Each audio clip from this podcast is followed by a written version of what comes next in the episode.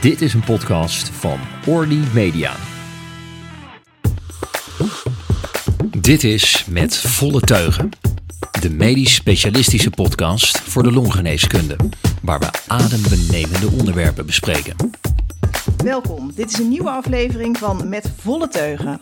Ik ben Brigitte Zondermeijer, longarts, en ik ben vandaag de gast in haar eigen huis bij Merel Hellemons in Rotterdam. We zullen vandaag alles leren over de laatste inzichten van long-covid. Merel en ik kennen elkaar als directe collega's uit het Erasmus. En ik wil je heel hartelijk danken om met je te komen spreken. Nou, leuk dat je te gast bent vandaag. Onderwerp. Onderwerp. Onderwerp. Onderwerp. Van de week. Wat veroorzaakt long-covid? Wie is er vatbaar voor? Hoe lang duurt het? Wat is de beste behandeling? En is het niet gewoon een overspannen, hardwerkende vrouw die altijd op haar tenen liep? Merel Hellemons is longarts in het Erasmus Medisch Centrum en zij heeft als aandachtsgebied long-covid, maar ook longtransplantatie. Daarbij is zij principal investigator van verschillende multicenter studies over diagnostiek en behandeling van long-covid. Zij is PI en coördinator van de post-covid-poli en veel onderzoek. Zij doet de CoFlow-studie, de correct-studie, die mensen vervolgen na de covid-infectie. En onlangs heeft zij meer dan drie ton daarvoor gekregen aan subsidie. Daarnaast is zij voorzitter van 1 ERS-richtlijn, is zij actief bij de Transplantatiestichting, is zij associate editor bij de ERJ Open en is zij medisch ambassadeur bij de Stichting Long Covid. Daarna is zij ook moeder van twee kinderen. Merel, vertel eens wat over jezelf. We willen graag ook iets meer weten over de persoon achter deze longarts. Waar ben je opgegroeid? Ja, mijn roots liggen in uh, Noord-Holland, in Alkmaar. En uh, uh, toen ik uh, ging studeren wilde ik daar zo snel mogelijk weg, zo ver mogelijk weg. En toen ben ik mijn geneeskundestudie gaan doen in, uh, in Groningen om ook echt ja, op kamers te gaan en de hele ervaring te hebben. Dus ik ben in Groningen, heb ik mijn studie gedaan. Uh, en nadien ja, verdween iedereen weer uit het Groningse en heb ik mijn vervolgopleiding in de regio Amsterdam gedaan. En ben ik uiteindelijk in, in het Erasmus terechtgekomen als longarts. Je doet ook longtransplantatiediensten en moet soms per vliegtuig naar alle uithoeken van Europa. Hoe combineer je het ouderschap met je werk en je diensten? Ja, dat is een goede vraag. Mijn core business is inderdaad de longtransplantatie. En um, longtransplantatie vindt altijd plaats bij nacht en ontij. En soms moeten we daar inderdaad ver voor reizen.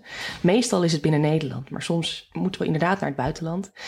En ja, dat vergt toch wel goede planning, al die diensten. En we doen momenteel met vier longartsen de transplantatie en verdelen de diensten onderling. Um, uh, dus ja, ik heb heel erg veel support van mijn man, uh, met wie we een soort sudoku-planning hebben thuis. Uh, en ook wel van alle opa's en oma's, buren, uh, het hele netwerk eromheen. Want dat hebben we echt nodig om het mogelijk te maken. Wat vindt jouw man van jouw baan? Nou, gelukkig vindt hij het heel mooi wat ik doe en heel belangrijk en steunt hij het ook.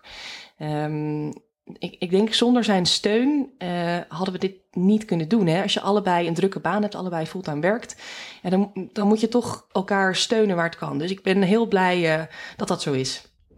En er zijn natuurlijk veel mensen in jouw situatie. Um, vaak um, mensen met allebei een baan, fulltime.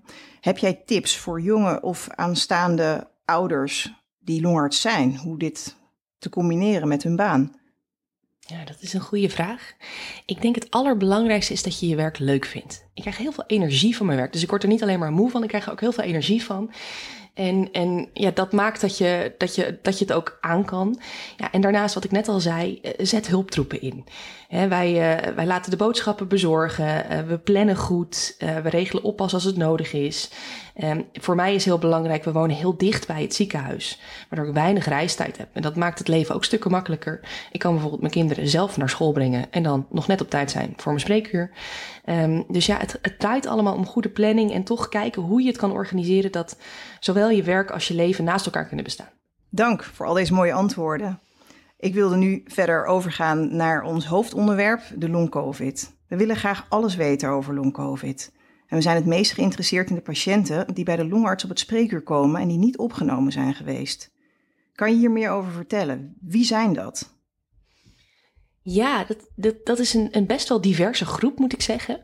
Um, maar ik denk wat we het meest zien is, we weten van de acute COVID, de mensen die in het ziekenhuis opgenomen werden, dat waren over het algemeen wat oudere mannen die nou ja, risicofactoren hadden of een wat ongezondere lifestyle misschien.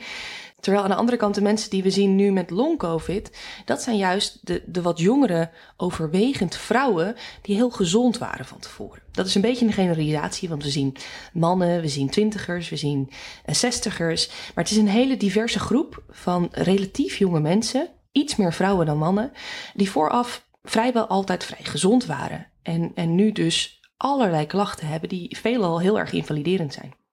Om dan terug te komen op wat ik eerder zei, zijn het dan de overspannen vrouwen die altijd op hun tenen hebben gelopen? Ja, dat, dat is iets. Uh, de patiënten met long-covid hebben nog steeds te maken met heel veel stigma. Dat long-covid allemaal in hun hoofd zit, of dat ze eigenlijk gewoon overspannen zijn. En ja, dat is pertinent niet zo, laat ik dat vooropstellen. Uh, we weten steeds meer over de onderliggende oorzaken van long-covid. En we zien ook allerlei biologische afwijkingen bij patiënten met long-covid. Uh, dus het zijn niet gewoon overspannen vrouwen. Wat wel zo is, is dat we inmiddels een paar risicofactoren kennen voor long-covid. Um, uit de literatuur weten we dat bijvoorbeeld het hebben van astma of het hebben gehad van Pfeiffer in hun jeugd, dat dat risicofactoren zijn. Of het hebben van diabetes. Um, maar wat we ook observeren in de praktijk is dat het veelal mensen zijn die in een relatief stressvolle fase van hun leef, leven zitten, veel ballen in de lucht houden.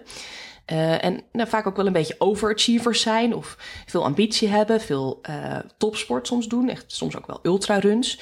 En wat wij zien in ons onderzoek en wat wij ja, daarachter waarschijnlijk achten, is dat toch het immuunsysteem erg beïnvloed wordt door stress en drukte. En dat dat predisponeert voor het oplopen van long-covid, waarin het immuunsysteem wat mij betreft centraal staat. En wat is eigenlijk de definitie van long-covid? Ja, gewetensvraag. Er zijn meerdere definities van long COVID. En het, het, is eigenlijk een soort syndroomdefinitie bij uitsluiting van andere oorzaken. En de meest gebruikte definitie op dit moment is de definitie van de World Health Organization. En daarbij wordt long COVID gedefinieerd als het hebben of houden van klachten drie maanden na een doorgemaakte COVID-infectie. Die zijn ontstaan tijdens of kort na de infectie, die tenminste twee maanden geduurd hebben. Dus ze kunnen tot een maand na de, de infectie eigenlijk ontstaan, die dan tenminste twee maanden aanhouden uh, en niet door een andere oorzaak verklaard kunnen worden. En heb je verschillende vormen van long-covid? Nou, er wordt heel veel gedacht hè, naar het indelen in, in, in types. En op zich is dat wel terecht, want het, het, varieert heel erg waar mensen last van hebben. En in principe heb je ook long COVID als je alleen nog een verminderde reuk of smaak hebt na drie maanden. Maar dat is denk ik niet de groep waar we het hier over hebben, hoe vervelend dat ook is. Um, maar er zijn wel uh, verschillende klachten die mensen kunnen hebben. En bij de een staat meer kortademigheid op de voorgrond en bij de andere vermoeidheid en uitputting of juist ontregeling van het autonome zenuwstelsel. Dus er lijken wel verschillende subtypes te zijn. Maar hoe je die in moet delen, daar is nog wel heel veel discussie over. Dus er zijn indelingen te maken op basis van symptomen, waar heel, heel veel overlap ook zit tussen symptomen. En er zijn indelingen te maken op basis van mechanismen. Uh, en met artificial intelligence wordt van alles gedaan. Maar mijn persoonlijke mening is dat we op dit moment nog geen goede indeling kunnen maken. Oké, en hoeveel mensen in Nederland hebben eigenlijk long-covid? Nou, precies weten doen we het niet. Daar is natuurlijk ook veel over geschreven. Um, dat we het in Nederland niet officieel bijhouden. Maar we hebben wel circumstantial evidence. En je kan het op een aantal manieren uh, berekenen. Uh, vanuit het onderzoek vanuit het Lifelines project uit Groningen. Um, daar hebben ze de populatie over langere tijd gevolgd en daar kwam opeens COVID bij. En daar hebben ze de invloed van COVID gemeten. En daar zien ze dat na een infectie in de eerste golf, nog voordat de vaccinaties er waren, ongeveer 8% van de mensen na drie maanden nieuwe klachten heeft en houdt ten gevolge van de COVID. En dat is aan de ene kant een onderschatting, want niet alle klachten van long-covid die we veel zien zijn daarin meegenomen. Uh, niet, nou, met name ook niet de cognitieve klachten zijn meegenomen en de dysautonomie. Um, aan de andere kant weten we tegenwoordig dat vaccinaties gedeeltelijk beschermen. Um, en ik denk dat het een beetje tegen elkaar uitlevelt. Um, de meest recente studie van, van het RIVM laat zien dat ongeveer 1 op de 10 mensen nu nog steeds in dit tijdperk klachten houdt na Omicron, na drie maanden. Um, dus ja, ongeveer 1 op de 8 na drie maanden. En daarvan herstelt een deel in het eerste jaar. En we zien dat nou, in totaal van, van alle mensen die, die, die COVID oplopen, toch wel 1 tot 2 mensen een jaar na infectie nog klachten hebben. En als je bedenkt hoeveel mensen uh, geïnfecteerd zijn geweest met COVID al de afgelopen jaren en nog steeds raken. En dat vaccinaties maar een beetje bescherming bieden, net als een eerdere infectie, uh, is en blijft het een enorm probleem. Uh, en nou, wat we verder weten is dat in, de Verenigde, of in, in het Verenigd Koninkrijk wordt het wel vrij goed bijgehouden. Daar vragen ze regelmatig honderdduizenden mensen in de UK of ze klachten hebben. En als je de gegevens daarvan op de Nederlandse situatie toepast, dan zou het in Nederland gaan om zo'n 100.000 mensen die niet alleen long COVID hebben, maar daardoor ook zodanig geïnvalideerd zijn, waarbij de ernst zodanig is dat het invloed heeft op hun day-to-day life en hun werk. Hm. En je vertelde over dysautonomie. Wat bedoel je daarmee? Dysautonomie is eigenlijk een ontregeling van het autonome zenuwstelsel. En ons autonome zenuwstelsel, ja, dat is een, beetje een moeilijke term, maar dat stuurt allerlei processen aan die we normaal gesproken niet echt in de gaten hebben. Bijvoorbeeld je hartslag, je ademhaling, um, de doorbloeding en allerlei dingen. Dat gaat meestal helemaal vanzelf en dat wordt door het parasympathische systeem en het sympathische systeem aangepast aan uh, nou ja, wat er nodig is. Hè? Fight, flight bijvoorbeeld. Um, en dat lijkt ontspoord te zijn. En hoe, hoe uitzicht dat dan? Op heel veel verschillende manieren eigenlijk. En ik denk uh, een van de, van de meest meetbare voorbeelden is, er zijn best veel mensen die last hebben van POTS. Moeilijke term, dat is posturaal orthostatisch tachycardie-syndroom. En bij die mensen is het zo dat als ze van een liggende houding naar een zittende of staande houding komen, dat opeens hun hartslag in de hoogte schiet. En zo 30, 40 slagen per minuut omhoog gaat. Terwijl de bloeddruk eigenlijk gelijk blijft. En daarbij is het dus ook niet hetzelfde als uh, orthostatische hypotensie. Het is echt een ontregeling van de hartslag. En daar voelen mensen zich echt onwel bij. En hoe het komt weten we niet zo goed. Misschien dat de vaten niet meer goed reageren. En dat daardoor de doorbloeding van de hersenen ook minder is. Wat we inmiddels ook weten van, van, van beeldvormend onderzoek. Uh, maar mensen hebben daar ontzettend veel last van. En een deel van de mensen is daardoor ook bedlegerig. Of kan maar beperkte tijd van de dag rechtop zitten. En welke organen zijn verder allemaal aangedaan? Oh ja, je kan het zo gek niet bedenken. Ik denk dat we inmiddels weten uit studies dat COVID weliswaar een, een, een ziekte is die zich via de luchtwegen het lichaam inwerkt. Dat is de porte d'entrée als het ware. Maar zich vervolgens als een soort sepsis, als een soort bloedvergiftiging door het hele lijf, uh, door het hele lijf heen gaat. Dus het wordt aangetroffen in de darmen, het wordt aangetroffen nu zelfs in de meningen in uh, proefdierstudies. En in de recente autopsiestudie hebben ze ook nog persisterende virusdeeltjes aangetoond in zowat alle organen die je kan bedenken. Ook wel meer dan 200 dagen na een infectie bij patiënten die aan een andere oorzaak zijn overleden. Dus uh, ja, alle organen kan het virus komen, maar dat zie je ook terug in long COVID. De patiënten hebben zelf een, een survey gedaan over welke klachten zij hebben bij hun long COVID. En dan komen ze wel op meer dan 200 klachten. En nou ja, dat geeft aan dat het alle organen aan kan tasten. En het lastige van die uh, uitspraak is dat het ook heel vaak tegen patiënten een beetje gebruikt wordt. Van ja, het is een vaag, vaag syndroom. Uh, en en dat, daar ben ik het dan weer niet mee eens. Ik weet niet of jij dat ook uit de praktijk ziet. Um, maar eh, de mensen die zich presenteren met post-COVID of long-COVID en op de polykliniek komen met hun problemen, die hebben toch een heel herkenbaar verhaal waar steeds dezelfde elementen in naar voren komen. Maar, ja. ja, veel patiënten hebben benauwdheidsklachten. Uh, en we vinden over het algemeen helemaal geen afwijkingen in longfuncties, CT's. Wat, wat zijn nu de nieuwe inzichten over deze benauwdheid? Waar komt dat vandaan? Ja, er zijn een aantal studies geweest die hebben gekeken naar ergometrie, dus uh, fietstesten, om te kijken wat er gebeurt. En nou, die vinden allerlei dingen. Uh, met name wordt er ook wel beschreven dat er sprake is van hyperventilatie. Dan kun je denken, dat is psychisch, maar dat heeft dus te maken met die autonome ontregeling. Met die ontregeling van het autonome zenuwstelsel, waardoor uh, ja, de ademhaling eigenlijk niet goed meer competent is met wat nodig is. En dat geeft natuurlijk heel veel kortademigheidsklachten. Dus of het is echt de aansturing, of het is meer het middenrif, maar daar worden dan weer niet echt afwijkingen gevonden aan het middenrif zelf. Dus mijn, mijn inzet is, wat ik nu vaak patiënten uitleg, is dus dat het een probleem is in de aansturing van de ademhaling. En ja, dan is de vraag, wat kun je daaraan doen? Hè? Want er zijn best wel fysiotherapeuten die, die dat weer in balans weten te krijgen met ja, goede, uh, goede oefeningen, met name diafragma-oefeningen. Maar bijvoorbeeld in Engeland is een studie geweest waar ze zangtherapie geprobeerd hebben, wat buitengewoon effectief bleek te zijn. Ja, interessant. En of dat nou werkt op ontspanning en op het parasympathische zenuwstelsel of echt werk op dat weer in balans krijgen, dat weet ik niet. Maar ja, dat is wel iets wat ik patiënten adviseer. Hè? Laag invasief en kan vaak online ge gedaan worden, bijvoorbeeld bij Zing je sterk. Ja, oké. Okay. Um, patiënten vertellen ook vaak over spierzwakte en spierpijn uh, in het spreekuur. Uh, wat zijn daar de laatste inzichten over? Ja, dat klopt. Ik denk de belangrijkste klachten bij long-covid zijn een vermoeidheid, waarbij ze vaak zeggen dat vermoeidheid de lading niet dekt. Ook niet uitgerust wakker worden. Ehm, die hartkloppingen worden veel beschreven, kortademigheid wordt veel beschreven. Heel invaliderend worden de cognitieve klachten beschouwd. Niet goed kunnen nadenken, maar ook vergeten en niet goed kunnen overzien, het niet goed prikkels kunnen verdragen. Uh, en daarna dus allerlei soorten pijnklachten. Dus spierpijn, gewrichtspijn, pijn in het hele lijf. Dat wordt veel beschreven. Um, en dat gaat deels samen met het fenomeen wat ze noemen post-exertionele malaise. Uh, en dat is echt een heel ernstig symptoom. En ik denk ook um, dat dat een nou ja, samenhangt met een slecht, relatief slechtere prognose.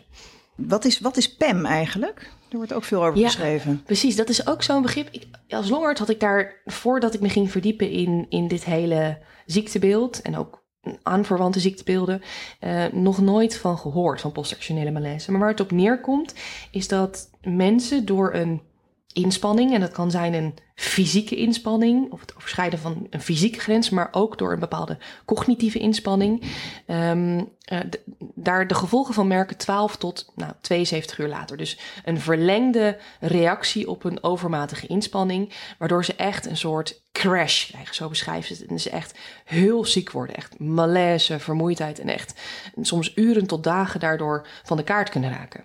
Uh, en soms ook daardoor op een lager niveau weer gaan functioneren. Dus die crashes zijn ernstig en moeten voorkomen worden. En de belangrijkste, ja, dat kunnen we niet behandelen, maar de belangrijkste handvatten daarvoor zijn zogenaamde pacing. Dus het goed verdelen van de energie. En daar zijn heel veel tools voor om, om daarmee om te gaan. Dus met, dan heb je bijvoorbeeld over ergotherapie of iets dergelijks, fysiotherapie. Ja, er zijn, er, er zijn ergotherapeuten en fysiotherapeuten die dat heel goed uit kunnen leggen. Maar ook op internet zijn veel tools. En er is bijvoorbeeld een app, de Visible app, die patiënten ook nou ja, helpt om op basis van hun heart rate variability uh, hun inspanning te doseren. En dat werkt voor veel patiënten ook heel goed. Hm. En zijn er nou in de spieren ook afwijkingen gevonden met biopten? Ja, dat, dat is super interessant. Er zijn een aantal studies die echt focussen op die post-exertionele malaise. Omdat gedacht wordt dat het echt een fenomeen is uh, in, de, in de spieren. En die hebben bijvoorbeeld biopten gedaan voor en na een fysieke inspanning, zoals een, zoals een fietstest. En de resultaten uit Amsterdam volgen nog. Ik ben super benieuwd wat eruit komt. Ik heb al wel wat dingetjes gehoord, maar de, de echte resultaten gaan we hopelijk binnenkort uh, in publicatie zien. Maar bijvoorbeeld ook uit Duitsland zijn er al wel uh, resultaten die ook echt laten zien dat er veel inflammatie zit. Bijvoorbeeld monocyteninflux in de, in de spieren en allerlei vasculaire verstoringen. Uh, dus er staat als een paal boven water dat er allerlei veranderingen zijn die waarschijnlijk verantwoordelijk zijn voor die klachten.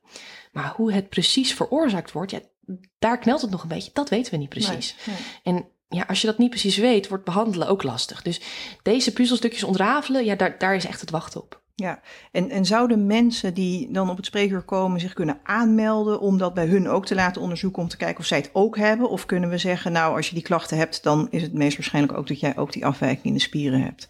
Ja, het is nu niet zeg maar, een klinisch bruikbare test om, uh, om te gaan uh, onderzoeken.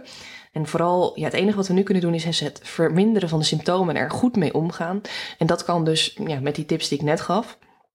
Um, en ik hoop dat er in Nederland op korte termijn veel meer biomedisch onderzoek gaat gebeuren. Ook om zo snel mogelijk meer duidelijkheid te krijgen in dit ziektebeeld. Ja, en dan uh, moedig ik alle patiënten aan om als ze ergens uh, deelnemers vragen om ook te kijken of ze mee kunnen doen. Wat zijn de nieuwe inzichten over de stolling? Heeft de stolling niet een soort overlappende oorzaak in dit beeld?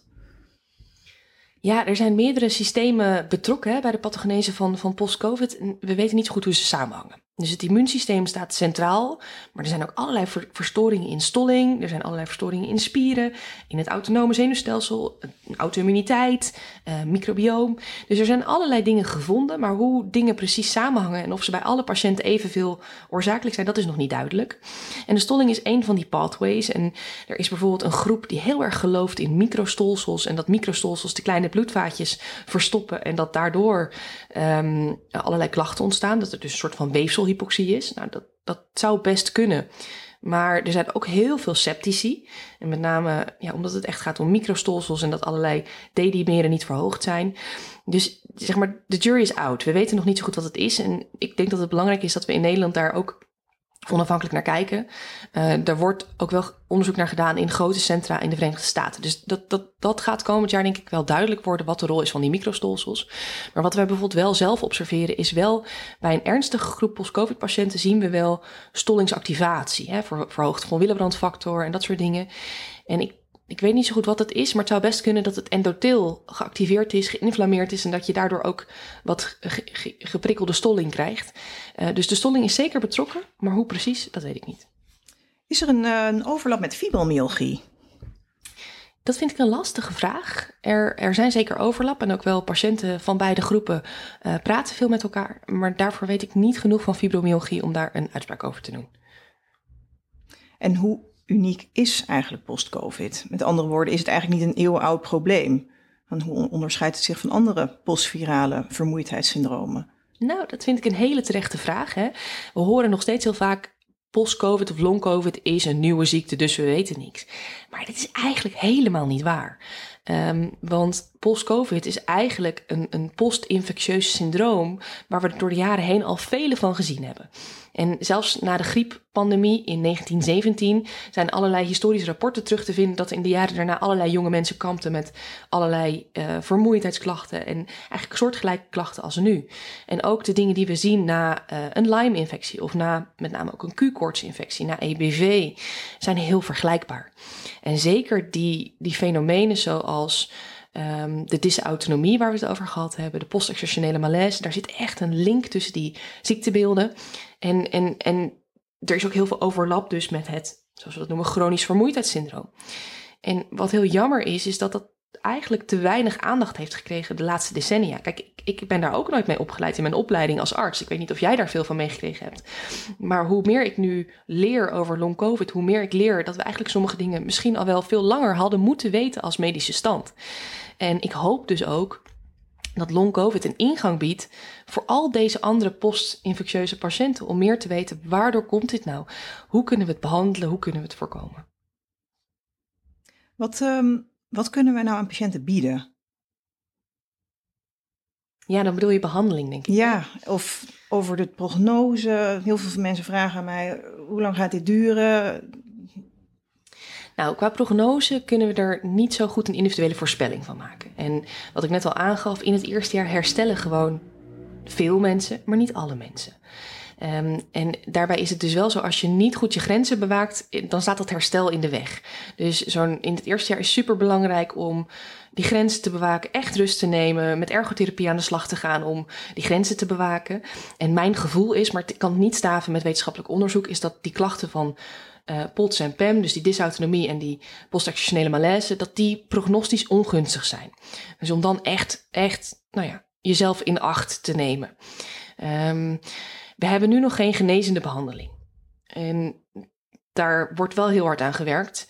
Maar dat betekent niet, wat heel vaak gebeurt, dat hoor ik ook van heel veel patiënten, dat ze weg worden gestuurd. We hebben niks voor je, um, succes ermee. Ja, ik vind dat heel, heel, heel spijtig. Want ik denk dat we als dokters um, wel heel veel kunnen doen aan symptoomverlichting. En een heel praktisch voorbeeld is die POTS is best goed symptomatisch te behandelen met allerlei medicatie. Bijvoorbeeld met beta-blokkers, bijvoorbeeld met ivabradine, maar ook met allerlei andere medicijnen. En een deel van die therapieën kan in de eerste lijn, en als dat niet lukt, kan een deel van de uh, therapieën bij een vasculair internist of bij een neuroloog die er affiniteit mee heeft. Um, maar daar kun je echt enorme symptoomreductie mee bereiken. En zo zijn er meer dingen. Hè. We hebben het gehad over de, de ademhaling, kunnen we vaak symptomatisch verlichten. We kunnen met pacing en met apps patiënten ondersteunen. Um, dus het wegsturen van patiënten en zeggen we kunnen niks doen, dat ja, ja, dat vind ik uh, een gemiste kans. En patiënten voelen zich echt heel vaak niet gesteund in ons zorgstelsel. Vooral ook omdat we als specialisten geneigd zijn om vooral in ons eigen straatje te kijken. Hè? Als longarts met name naar de kortademigheid en als cardioloog met name naar de hartkloppingen. Um, terwijl als we een iets holistischere bril opzetten, uh, kunnen we wat meer integraal kijken naar de patiënt en kijken waar de behoefte ligt en in ieder geval ondersteunen. Uh, wat mij opviel in het Erasmus is dat ik uh, vrij veel mensen doorstuurde naar de vasculaire geneeskunde om te kijken of mensen POTS hadden, maar eigenlijk had niemand het. Hoe diagnosticeer jij het? Ja, POTS is een diagnose die je nou ja, strikt genomen alleen met een kanteltafeltest kan stellen. Maar de dysautonomie bij post-COVID is soms wat grillig en die is ook niet altijd hetzelfde. En dat is ook niet alleen maar die tachycardie. Er zijn ook meerdere fenomenen die ze zien hebben. Doorbloeding van de huid en van... Dus, dus die pots is wat grillig. En kanteltafeltesten zijn zo schaars in Nederland dat ze niet voor iedereen beschikbaar zijn. En dus wat ik vaak doe, is toch kijken naar. Um, je kan een NASA lean test doen. Dus eigenlijk heel eenvoudig. Dan laat je patiënten eerst een paar minuten liggen met je bloeddruk en pols. En dan zet je ze schuin rechtop tegen de muur. En dan meet je na drie minuten en na vijf minuten weer bloeddruk en pols. En als je dan ziet dat de hartslag 20 tot 30 slagen of meer omhoog gaat. En de bloeddruk min of meer gelijk blijft. Met een uit, uitschieter van 10 mm kwik. Dan kun je het vaststellen. Maar ook al die smartwatches die patiënten hebben, hartslaghorloges, en als ze daar uitschieters op kunnen laten zien en een typisch verhaal hebben, ja, dan durf ik op basis daarvan wel een uh, vermoeden op dysautonomie uit te spreken en ook wel symptomatische behandeling aan te bieden. Er waren ook een handvol studies uh, gedaan die aangeven dat hyperbare zuurstoftherapie werkt. Hoe zie jij dat? Ja, er is een RCT geweest in Israël uh, die positief uitpakte. Uh, dus waar mensen echt een betere kwaliteit van leven kregen en ook op, een, wat is het, hersenscans een betere doorbloeding lieten zien daarna van, van meerdere hersendelen. Hè? Dus het ook wel objectief uh, bevestigd. Maar die studie was maar zwak positief en er is wel wat aan te merken op die studie. Want ze hebben een beetje um, nou ja, issues met patiëntenselectie gemaakt. Ze hebben dus ook patiënten genomen die niet zo erg ziek waren en nog niet zo lang. Dus die die misschien helemaal niet nodig hadden gehad. Um, dus één RCT maakt nog geen richtlijn. Um, maar dit schept wel, uh, er zit wel ratio achter. Hè? Als we natuurlijk bedenken dat er misschien weefselhypoxemie een rol speelt, die, die hyperbare zuurstoftherapie kan dat proces verbeteren. En uit de praktijk heb ik toch echt wel een aantal mensen heel goed daarvan op zien knappen. En ook in de hyperbare centra in Nederland wordt dit nu aangeboden tegen eigen betaling, omdat het niet vergoed wordt. Idealiter willen zij hier ook een RCT doen in Nederland, maar de financiering ontbreekt vooralsnog. Um, maar dat, dat zou natuurlijk het beste zijn om, om te bewijzen dat het werkt en voor wie het werkt en om vergoeding te verkrijgen. Maar tot die tijd wordt het aangeboden en ze hebben zo'n 50 tot 60 mensen inmiddels behandeld. En wat ik hoor is dat 70 tot 80 procent van de mensen daar in ieder geval op de korte termijn positief op reageert. Um, maar ja, garanties hebben we niet. En uh, dit gaat in ieder geval nu onafhankelijk bijgehouden worden, uh, prospectief, om daar toch iets meer inzicht in te krijgen. Het is wel een heel interessante ontwikkeling. Ja, en wat zijn de kosten daarvan? 8.500 euro per behandeling ongeveer. Nou, je moet het maar op de plank hebben liggen. Hè. Dit ja, is natuurlijk niet voor iedereen toegankelijk. Ja. En dat vind ik ook zorgelijk. Uh, idealiter wil je echt goede studies doen. Ja, en waarom is het zo duur? Wat, wat gebeurt er ja, allemaal? de hyperbare zuurstoftherapie, dat is dus niet één behandeling, uh, maar dat zijn dus 40 sessies, meestal ah. 40 sessies, in zo'n hyperbare zuurstoftank van 1 tot 2 uur, waarbij nou ja, er patiënten onder druk worden gebracht. Uh, dus gedurende 8 weken, 5 dagen per week. En soms wordt het nog verlengd. Dus je snapt, ja, dat, dat, daar zitten gewoon kosten aan verbonden. Ja, nu snap ik het. Ja. En, ik hoorde ook dat uh, vaccinaties uh, patiënten een soort reset kunnen geven voor long-covid. Is dat iets wat jij, waar je mee bekend bent? Ja, vaccinaties geven heel wisselend effect bij long-covid. Um, en er, de, enige goede studie die er is, een soort survey. En die laat zien dat pak een beet 30% van de mensen uh, verbetering toont op een vaccinatie. Een deel doet niks, maar ook een deel wordt slechter. Um, dus ik um, durf patiënten niet goed te adviseren over wat ze moeten doen qua, herstel, qua herhaalvaccinaties. Ik heb ook wel een paar anekdotes gehoord van patiënten die een heel andere vaccinatie kregen, bijvoorbeeld voor gele koorts, en daarna opeens herstelden. Nou ja, uh, het valt altijd te proberen. Um, misschien toch dat het immuunsysteem daardoor op een andere manier geprikkeld wordt. Um, en uh, herinfectie, ja, er zijn wel casus beschreven waarbij patiënten na een herinfectie opeens beter werden. Maar veelal komen post-covid patiënten daardoor op een nog slechter niveau terecht. Mm. Dus nee, geeft het een enorme knauw. Dus uh, ja, ik, uh, het is ook heel erg wisselend dus. Ja, en wat zou je zelf willen zien veranderen in de long-covid-zorg op dit moment? Ja, nou ja, ik zou best een hele hoop willen zien veranderen. Want het lastige is, is dat er niet één specialisme probleemeigenaar is van dit probleem, omdat het één heel onbekend is en twee heel veel verschillende orgaansystemen aantast. En het vereist eigenlijk een integrale benadering. Dus ik hoop dat er uh, meerdere, op meerdere locaties in Nederland expertisecentra zullen worden opgesteld. Die met een vergelijkbaar ja, zorgpad gaan werken op basis van de expertise die er nu al is. Want oprecht, die, er is al wel echt kennis over dit beeld. En je kan al echt wat doen. Waarbij het gecombineerd wordt met een biobank, met onderzoek, met platform trials. En, en dat is ook het expertisecentrum zoals we dat voorgesteld hebben aan het ministerie. Um, maar ja, alles draait om geld en wie doet wat en uh, hoe het allemaal gerealiseerd moet worden. Dat is de grote vraag. Uh, maar idealiter wil je natuurlijk gewoon één plek waar de expertise zit, waar die mensen terecht kunnen voor zowel behandeling als onderzoek. Um, dus nou, dat zou ik graag veranderd willen zien. Mooi, mooi. Um, en voor patiënten en huisartsen, is het nou zinnig om patiënten door te sturen naar de longarts? Wat is jouw mening daarover? Ik denk dat wij heel erg veel kunnen betekenen voor deze mensen, maar het hangt wel, denk ik, ook van de longarts af. Of de longarts daar expertise uh, in heeft in dit, uh, in dit syndroom. Ja, kijk, als je puur kijkt naar wat doet long-covid op longen, ja, eigenlijk niks. Hè? We zien nooit nee. structurele afwijkingen in longfunctie. Maar het is wel zo dat het bij uitsluiting is van andere oorzaken. Dus als daar ook echt serieus over wordt nagedacht, dan denk ik, ja, dat, dan verdient iemand ook gewoon ja. een analyse op andere oorzaken. Dus je moet altijd in gedachten houden, is het wel long covid of is het niet stiekem iets anders? Hè? We moeten geen, geen dingen missen door zo'n etiket. Dus dat, dat zit altijd in mijn achterhoofd. Missen we niet iets? Um, weet je, een simpele hypothyreoïdie of een vitaminedeficiëntie, dat zou toch wel vervelend zijn als we dat missen. Um, maar um, ja, bij de longarts, ja, verder kunnen wij heel veel adviezen geven, hè, wat ik net al zei. Maar de vraag is of dat per se bij ons terecht hoort. Of dat de huisarts ook veel van die dingen zelf kan. Dus ik, ik ben daar een beetje in een tweespalt. Ja, ja, ik ook.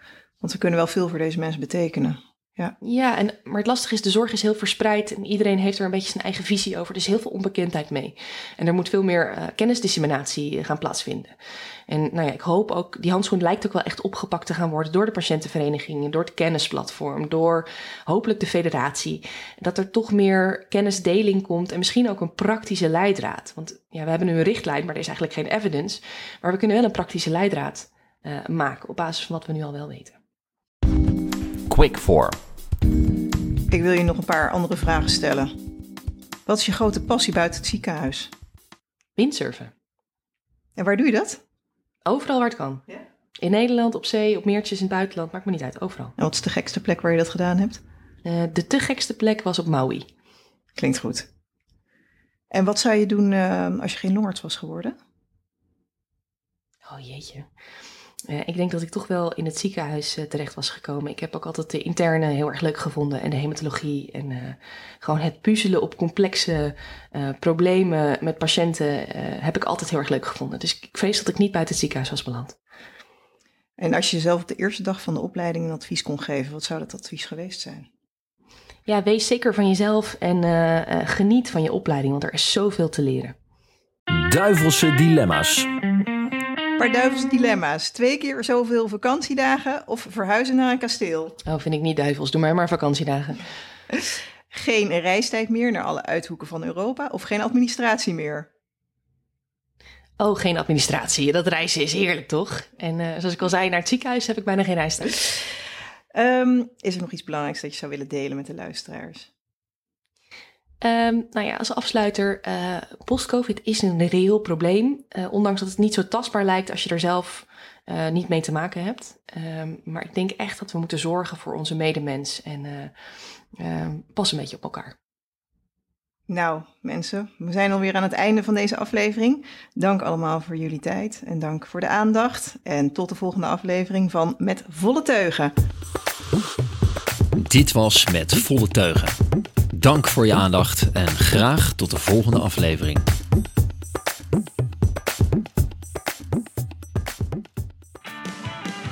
Dit is een podcast van Orly Media.